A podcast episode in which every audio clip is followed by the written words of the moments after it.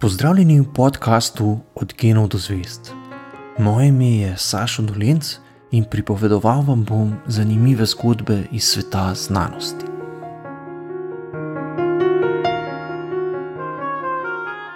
Spoznanje, da se lahko atomska jedra cepijo, pri čemer se sprosti zelo veliko energije, velja za eno najpomembnejših znanstvenih odkritij 20. stoletja.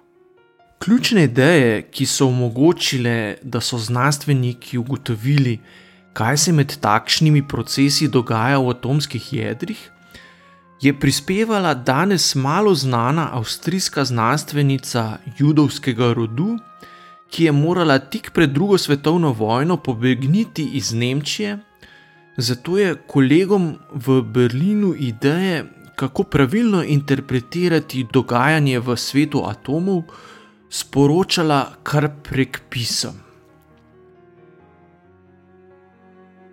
Albert Einstein je Lize Meitner opisal kot nemško Marie Curie, a ta oznaka žal ni najbolj posrečena. Lize je bila izjemno plodovita znanstvenica, a je v nasprotju z Marie Curie njen pomemben prispevek k napredku znanosti dolga leta ostal zamolčan. Za svoje odkritja ni nikoli prejela Nobelove nagrade, čeprav bi si jo nedvomno zaslužila. Ženske so dokaj enakopravno vstopile v svet znanosti šele po drugi svetovni vojni. Predtem je bilo znanstvenic malo, dokazati pa so se morale bistveno bolj kot moški kolegi, da so jih sploh resno obravnavali.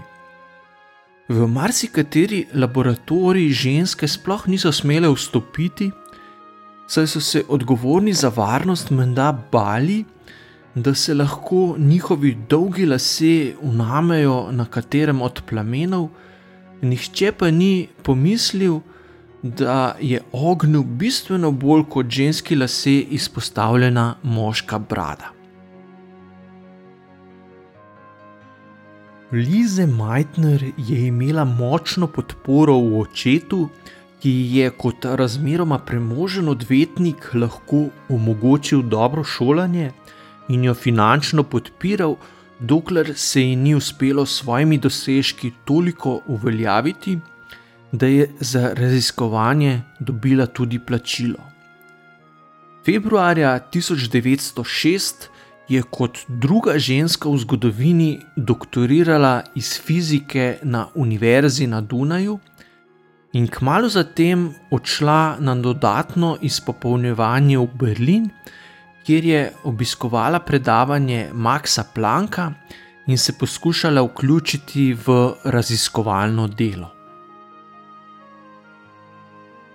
V okviru fizikalnega seminarja je spoznala kemika Ota Hanna, ki je imel takrat tako kot ona 28 let in s katerim sta se hitro ujela.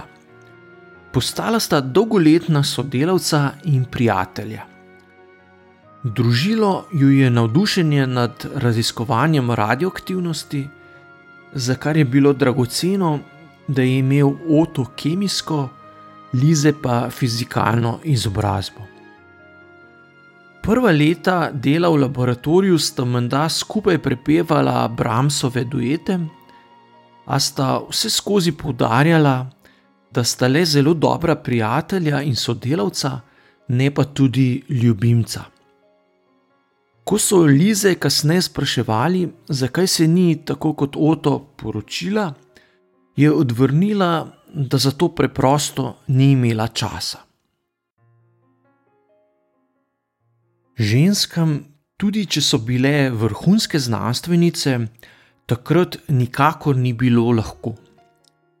Lize je prva leta, ko je sodelovala z Otom, lahko delala le v kletnih prostorih inštituta, kamor je vstopala skozi ločen vhod in za svoje delo ni bila plačana. Preživljala se je s podporo, ki so ji jo pošiljali starši.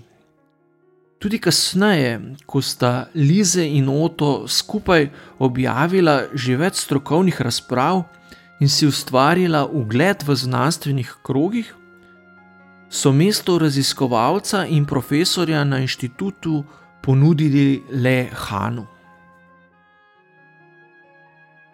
Šele po mnogih raziskovalnih uspehih je Max Planck Lize leta 1912 kot prvi ženski v zgodovini ponudil plačano mesto asistentke na Univerzi v Berlinu, kasneje pa so jo na inštitutu povišali v enak raziskovalni naziv, kot ga je imel Han. Tako sta bila končno tudi formalno enakovredna raziskovalna partnerja. Med Prvo svetovno vojno, ko je bil Han dolgo časa na fronti, je Lize Meitner dobila tudi svoj laboratorij, prav tako so ji povečali plačo, da je bila primerljiva z neski, ki so jih dobivali moški. Leta 1922 je kot ena izmed prvih žensk v Nemčiji pridobila tudi predavateljski naziv docentke na Univerzi v Berlinu. Po prihodu nacistov na oblast je bila Lize Meitner kot judinja izobčena iz javnega življenja, a se je vseeno odločila, da ne bo zapustila Nemčije. Ni zbor jo je vabil na Dansko, vendar je bila prepričana, da lahko raziskave ustrezno nadaljuje le v svojem laboratoriju. Čeprav se znanstvenih konferenc ni mogla več udeleževati, so jo nacisti nekaj let vseeno pustili pri miru. Kasneje ji je bilo sicer žal, da ni Nemčija zapustila že leta 1933, Čutila se je namreč krivo, saj se ji je zdelo, da je z bivanjem v Berlinu na nek način podpirala Hitlerjev režim. Pogoj za bivanje v Nemčiji je bil namreč, da si se podredil zakonom in predpisom, ki so jih sprejemali nacisti. Enrico Fermi je sredi 30-ih let začel z eksperimenti, pri katerih je atomska jedra obstreljeval z neutroni. To je omogočilo serijo novih raziskav prav na področju, ki ga je Lize Meitner zelo dobro poznala. Fiziki tistega časa so bili namreč prepričani, da lahko z jedrskimi reakcijami le za malenkost spremenijo atomsko jedro. Če se kak zunanji nevtron ujame v jedro atoma, ob tem pa pride še do radioaktivnega razpada, se lahko atom spremeni v nov element. Vse je močno zanimalo, ali bi lahko z obstreljevanjem z nevtroni ustvarili nove umetne elemente, ki bi bili težji od urana. Ko so nacisti zauzeli Avstrijo, Majtnerjeve avstrijsko državljanstvo ni več varovalo pred preganjanjem. Borijo je spet vabil, da pride k njemu na Dansko, a žal ni imela več veljavnega potnega lista. Njeni prijatelji so zato prosili nemškega ministra za znanost, da ji podeli izredni potni list s pomočjo katerega bi lahko zapustila Nemčijo, a so prošnjo gladko zavrnili.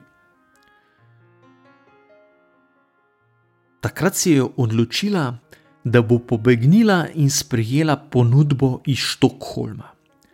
Sredi julija 1938 se je z vlakom odpeljala iz Berlina najprej na Nizozemsko, nato pa naprej na Dansko, kjer je nekaj tednov gostovala pri Nilsu Boru. Na srečo se ji je uspelo izogniti mejnim kontrolam, ki jih je policija izvajala na vlakih.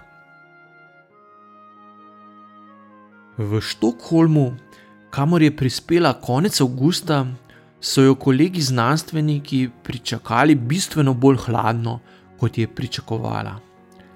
Dobila je pisarno, ne pa tudi dostopa do laboratorija, tako da raziskav ni mogla nadaljevati na enak način, kot jih je izvajala v Berlinu. Z Otom, ki je ostal v Nemčiji, sta si sicer še naprej izmenjevala pisma, v katerih sta razpravljala o rezultatih eksperimentov z uranom. Nekateri znanstveniki so takrat poročali, da po obsevanju urana z nevtroni najdejo male količine radioaktivnega elementa, ki je bil kemijsko podoben bariju. Vendar tega nikako niso znali pojasniti, saj so bili prepričani, da lahko jedrske reakcije povzročijo le majhne spremembe v atomskih jedrih, bari pa je bil bistveno lažji od urana.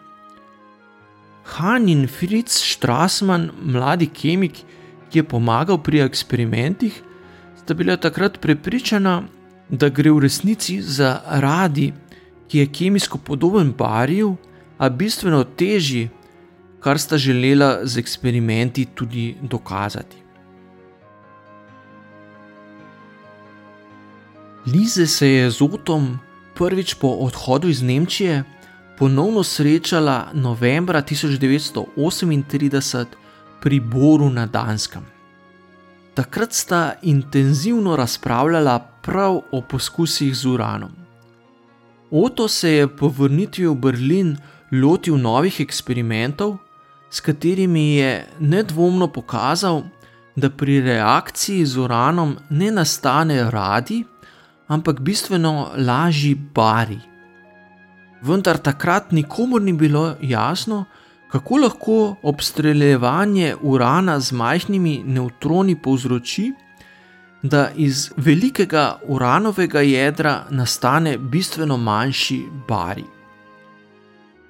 Han je o rezultatih tik pred Božičem 1938 v pismu obvestil Lize in jo vprašal, ali ima morda kakšno idejo, kako bi bilo mogoče pojasniti te čudne rezultate. Za Božič je Lize Majtner na švedskem obiskal nečak, fizik Robert Frisch, s katerim sta odšla na krajši izlet. Nekje sredi gozda je imela Lize prelomno idejo, s katero ji je uspelo pojasniti nenavadne ugotovitve glede obstreljevanja urana. Prešinilo jo je, da lahko atomsko jedro ob dodajanju nevtronov postane nestabilno in se kot kapljica razcepi na dva dela. Še med izletom je na hitro izračunala, da bi bili dve novo nastali jedri po cepitvi skupaj malenkost lažji od izvornega jedra, ki je razpadlo.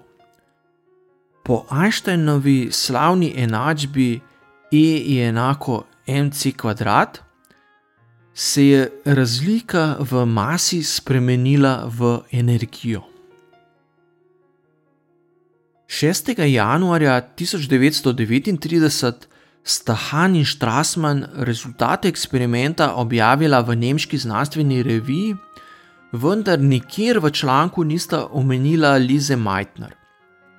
Han se je verjetno zbal, da bi ga nacisti preganjali, če bi priznal, da še vedno sodeluje z judovsko znanstvenico, zato je njen vpliv povsem zamolčal. Marca je zato Lize z nečakom v reviji Nature objavila teoretično pojasnilo rezultatov eksperimenta, kjer je opisala, kaj se dejansko zgodi pri cepitvi atomskega jedra.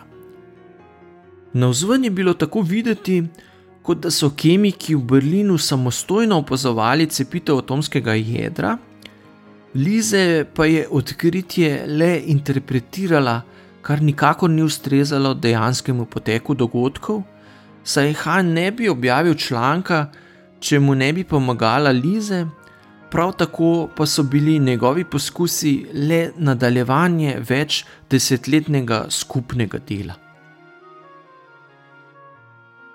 Leta 1944 so Nobelovo nagrado za odkritje cepitve atomskega jedra tako podelili le Hanu. Lize Meitner je bila kasneje sicer večkrat nominirana, a nagrade nikoli ni dočakala. Prav tako je zavrnila ponudbo, da sodeluje pri izdelavi ameriške atomske bombe. Ideja, da bi njeno odkritje postalo temelj za smrtonosno orožje, ji nikakor ni bila blizu. Čeprav jo je Han zamolčal in v času nacizma ni zapustil Nemčije, sta po vojni ostala prijatelja. Oto je umrl konec julija 1968, Lize pa konec oktobra istega leta. Imela sta skoraj 90 let. To je bil podcast Od genov do zvest. Moje ime je Sašo Dolenc in z novo zgodbo se vam oglasim že k malu.